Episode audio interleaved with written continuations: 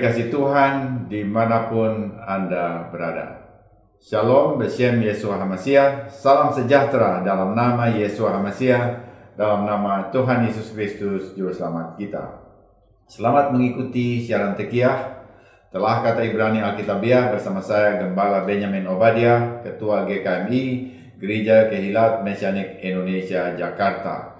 Siaran telah kata Ibrani Alkitabiah ini dimaksudkan untuk menggali kebenaran Alkitab dari bahasa dan masyarakat Ibrani yang menjadi persemaian tumbuhnya iman Kristiani kita yang berasal dari tanah perjanjian Israel di Timur Tengah. Saudara mengajukan pertanyaan ke 0812-9912-430. Hari ini kita akan membahas kata Ibrani Yud He Vav He dalam bahasa Ibrani ini dieja Yud He dan dibaca oleh orang Yahudi sebagai Hashem atau Tetragrammaton transliterasi YHVH.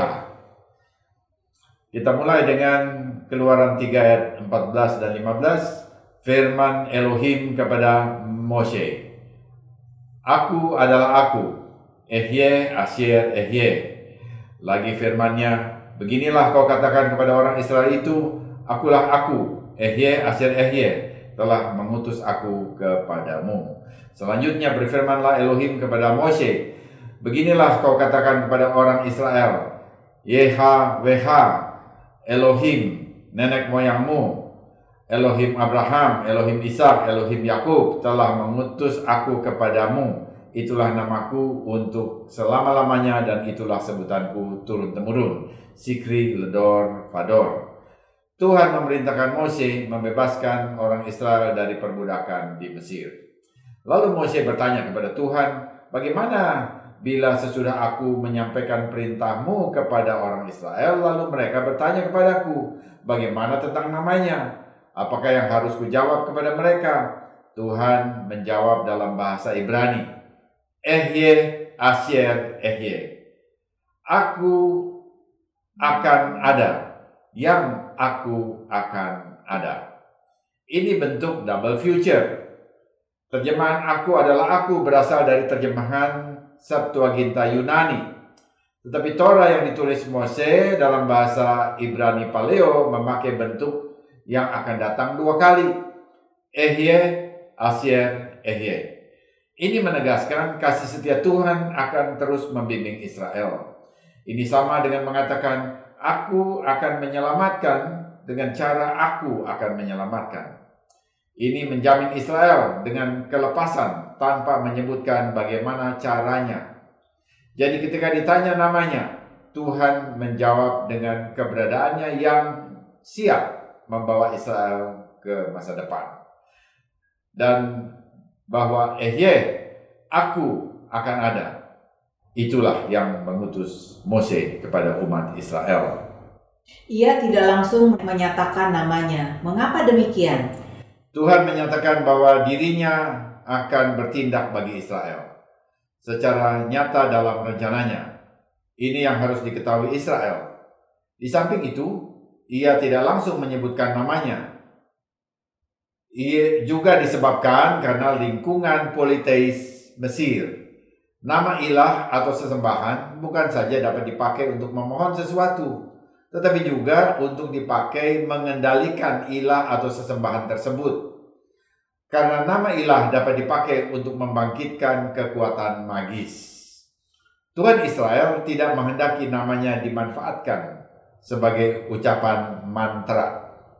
Sebaliknya, namanya menyatakan tindakannya, kehadirannya, hakikat dari segala yang ada. Ia yang mengakibatkan keberadaan segala sesuatu dan tidak ada kuasa lain di luar dirinya. Namanya bukan untuk dipakai sembarangan. Sesudah menyatakan bahwa ia adalah Tuhan yang bertindak, barulah ia menyatakan namanya bagi umatnya. Beginilah kau katakan kepada orang Israel, YHVH, Elohim, nenek moyangmu, Elohim Abraham, Elohim Ishak, Elohim Yakub telah mengutus aku kepadamu. Itulah namaku untuk selama-lamanya dan itulah ingatan akan aku turun temurun. Sikri Ledor Fador. Tuhan menyebutkan namanya dengan empat huruf konsonan Ibrani Yud He Vav He. Elohe Abraham, Elohe Yitzhak, Elohe Yakov. Dengan mengaitkan namanya dengan leluhur Israel, Elohim menyatakan ia bukan ilah yang disembah oleh Nimrod di Babilonia. Ia bukan salah satu dewa Mesir dan bukan pula ilah orang Midian. Bukan semua itu. Ini penting kita pahami. Yud He Vav He adalah nama pribadi Tuhan yang disembah oleh Abraham, Ishak, dan Yakub. Empat huruf konsonan, huruf mati yang tak dapat terucap tanpa huruf hidup dalam bahasa Yunani disebut tetragrammaton. Dalam bahasa Ibrani disebut Hashem.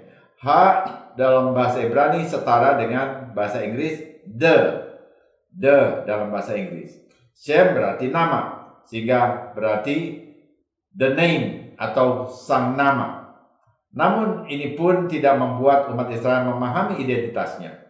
Karena itu untuk menjelaskan siapa identitas dirinya, Tuhan mengaitkan namanya dengan sesembahan leluhur Israel yaitu sesembahan Abraham, sesembahan Isa, dan sesembahan Yakub yang sudah dikenal oleh bangsa Israel. Apa makna Yod He Vav He ini? Yud He Vav He ditransliterasi menjadi YHWH. Perhatikan Yud He, YH berasal dari akar kata hayah yang merupakan kata kerja, to be, sama seperti ehye yang juga mengandung huruf yud he dari alef he yud he. Ini menyatakan bahwa fakta ya menyatakan satu fakta bahwa ia sudah ada, sekarang ini ada dan akan ada. He was, he is and he will be.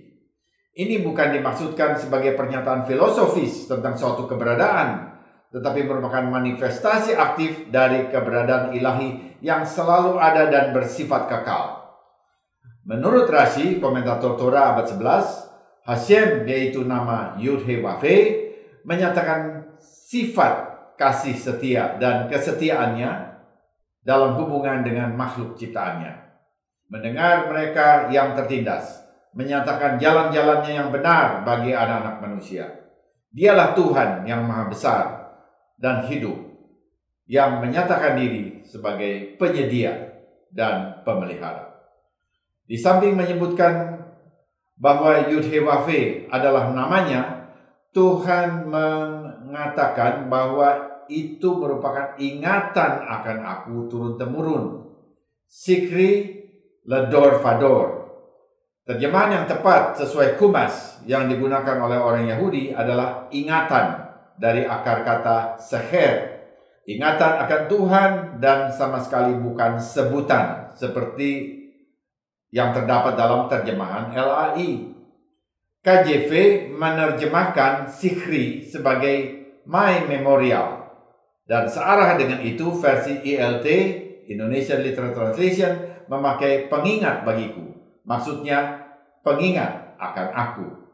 Perlu ditambahkan bahwa nama YHWH sebagai ingatan berarti saat kita melihat tulisan YHWH baik dalam aksara Ibrani ataupun aksara Latin, kita segera ingat akan Hashem, Tuhan Abraham, Ishak dan Yakub.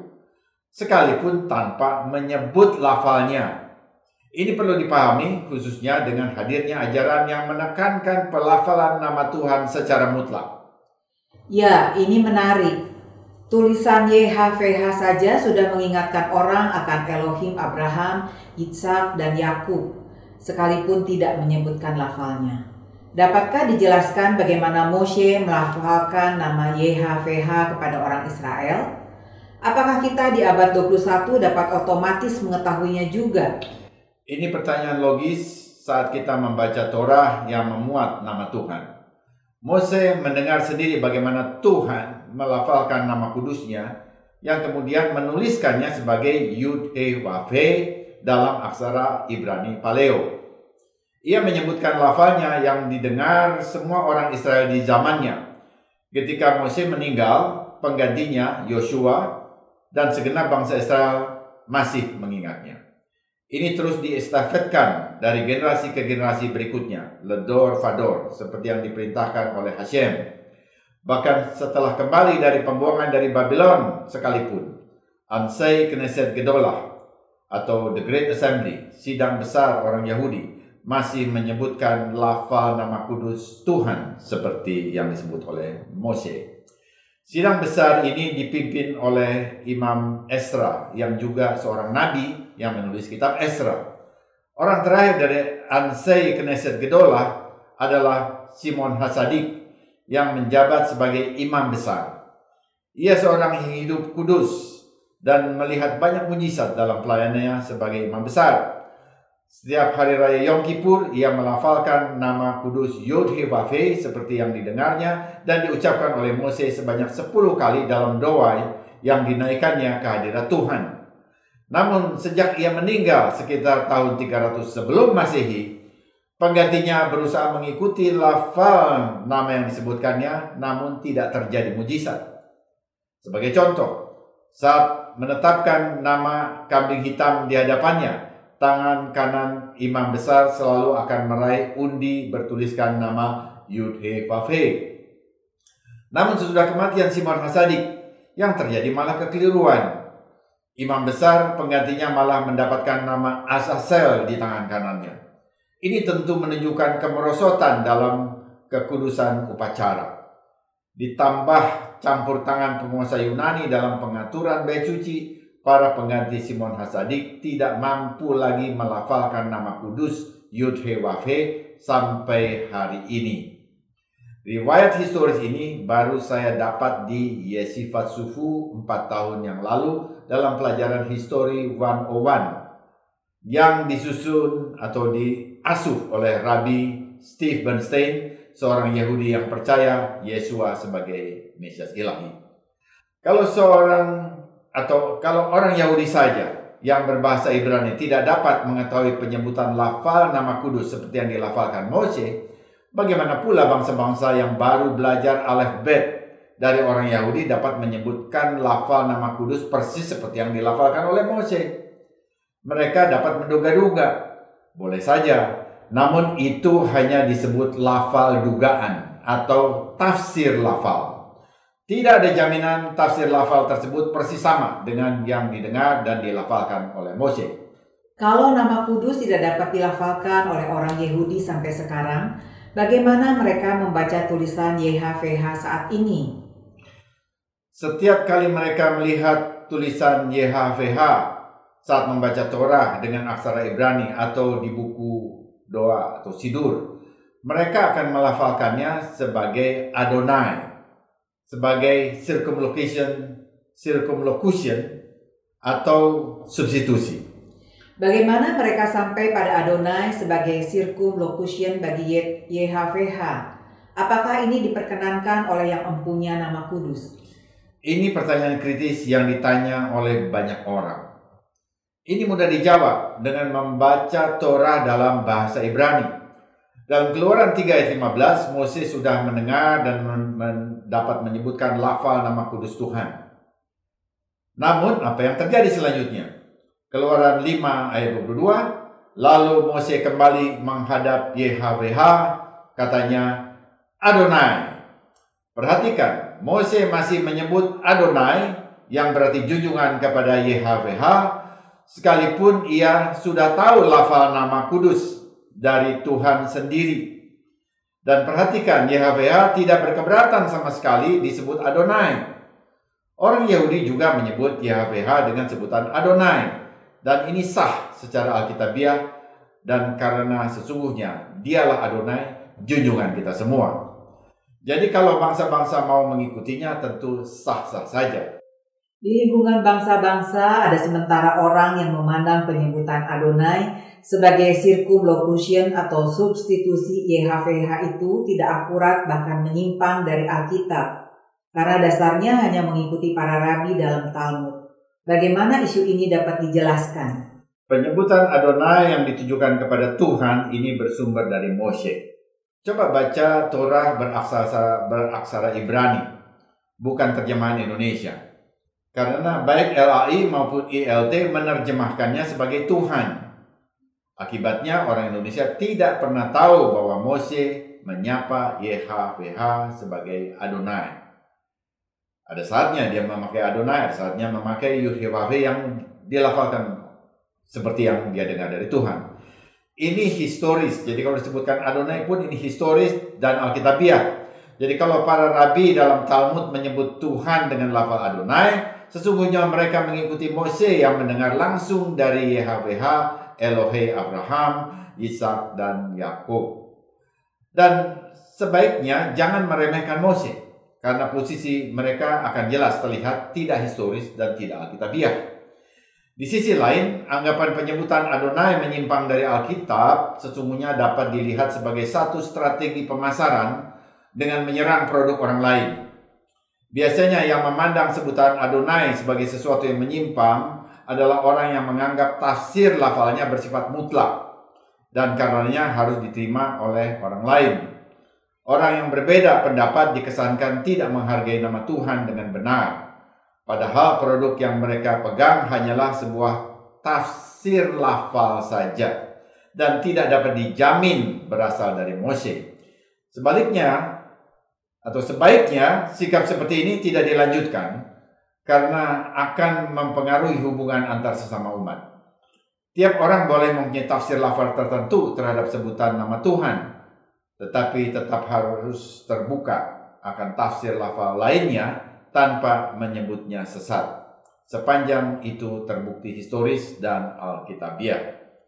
Di lingkungan Kristen bangsa-bangsa dengan bergairah mereka menyebut nama Tuhan Abraham, Ishak, dan Yakub sebagai Yehova atau Yahweh. Dari mana mereka mendapatkan lafal tersebut? Di lingkungan umat Yahudi, mereka menyatakan tidak mengetahui cara penyebutan nama kudus Tuhan, sehingga mereka cukup menyebut Adonai atau Hashem, the name. Sementara di lingkungan Kristen bangsa-bangsa awalnya disebut sebutan Jehovah ini diperkenalkan misalnya dalam Scofield Reference Bible yang terkenal. Tetapi dari mana Scofield mendapatkan nama Jehovah? Tentu dari dokumen Yahudi, namun menurut persepsi bangsa-bangsa non-Yahudi. Mose menulis Torah dalam aksara Paleo Hebrew tanpa tanda baca atau nikut. Hanya orang Ibrani yang dapat membacanya. Pada abad 8 ada sekelompok orang Yahudi yang disebut kaum Masoretik yang berinisiatif mengembangkan tanda baca Nikut bagi huruf-huruf Ibrani agar dapat dibaca dengan seragam oleh orang Yahudi. Ini dilakukan dengan maksud agar generasi muda Yahudi tetap dapat membaca Torah dengan lafal yang tepat. Ketika mereka sampai pada tulisan YHWH, mereka mengingat sejarah imamat sampai pada Simon Hasadik dan membuat penyesuaian sebutan Adonai seperti Moshe dengan memberi tanda baca Sefa Na E Cholem O dan Kametz A dengan maksud agar dibaca Adonai. Ketika tanda baca ini dibaca oleh orang Kristen bangsa-bangsa, maka tanpa memahami maksud pemberian tanda baca oleh kaum Masoretik, mereka langsung membaca Jehovah sesuai persepsi bahasa Inggris. Jadi lafal nama Jehovah merupakan salah kaprah Kristen bangsa-bangsa terhadap tanda baca dalam naskah Masoretik. Tentu saja lafal ini tidak akan diterima oleh orang Yahudi karena itu hanya sebagai kode maksudnya. Bagaimana dengan sebutan Yahweh? Dari mana asalnya? Ini dimulai di abad 20 di lingkungan bangsa-bangsa non-Yahudi. Dari berbagai sumber disebutkan Pietro Colonia Galatino abad 16 atau Petrus Galatinus filosofer, teologian, diduga sebagai penemu pelatinan nama Jehovah yang sesungguhnya tidak akurat. Penyebutan Jehovah merupakan prasangka bangsa-bangsa terhadap cara penulisan circumlocution yang digunakan oleh penyalin tanah yang dikenal sebagai kaum Masoretik abad 8-10. Dengan circumlocution atau substitusi, dimaksudkan agar tetragramaton YHWH dilafalkan sebagai Adonai atau Elohim sesuai dengan Nikud. Pada tahun 1933, Clarence Orville Dodd dan kemudian juga Herbert Armstrong dari Church of God the Seventh Day di USA memulai Sacred Name Movement dengan memproklamirkan nama kudus Tuhan sebagai Yahweh dan Juru Selamat sebagai Yahshua. Dengan munculnya internet, lafal ini disebarkan ke seluruh dunia termasuk Indonesia Situs-situs mereka membuka wawasan bahwa nama Tuhan dalam Alkitab Ibrani tentunya mempunyai nuansa Ibrani, bukan Yunani atau Arab. Make sense karena semuanya akan memberikan semacam pencerahan.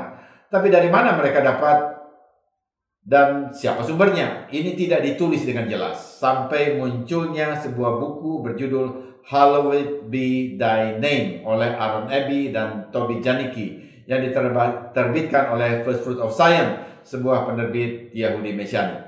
Buku ini melacak munculnya tafsir nama Yahweh yang ternyata berasal dari bapak-bapak gereja Yunani di abad 2, bukan dari orang Yahudi.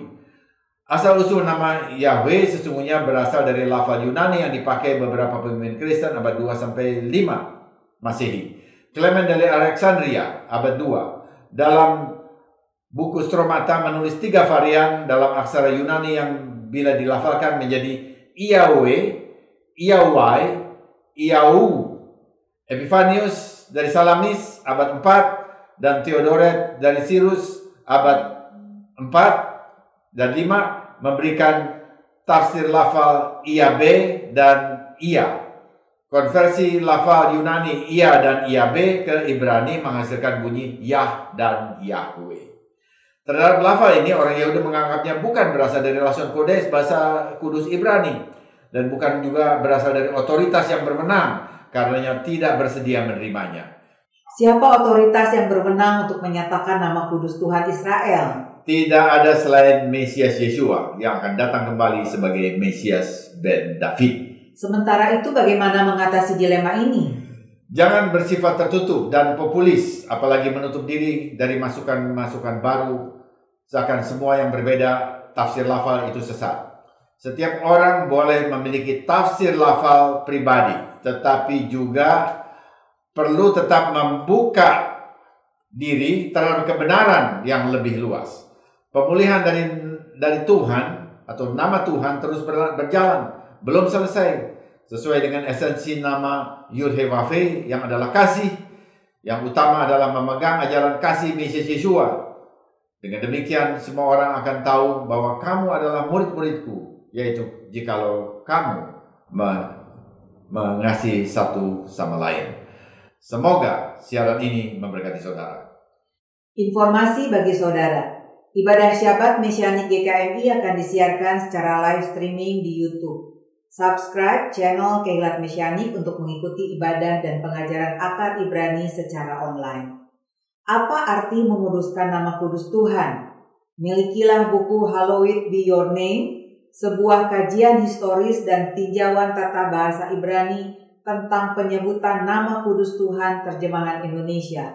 Hubungi Nora di 0812 9424 7480 0812 9424 7480 Bila saudara diberkati oleh siaran Tekiah dan mau kembali memberkati siaran ini, saudara dapat mengirimkan dukungan dengan menghubungi Happy di 0811 910 814 0811 910 814 Sesudah narasi ini kita akan mendengar lagu rohani Ibrani Gadol Adonai. Besarlah Adonai oleh Sarah Lieberman. Dan grup Yehudi Mesianik dari Yerusalem, Israel. Tiba saatnya saya Gembala Benyamin Obadia dan Penatua Ira Obadia. Mohon diri dari ruang dengar saudara Sampai jumpa pada siaran mendatang. Yesua keselamatanku, Torah kesukaanku, menuju kepenuhan bangsa-bangsa. Shalom.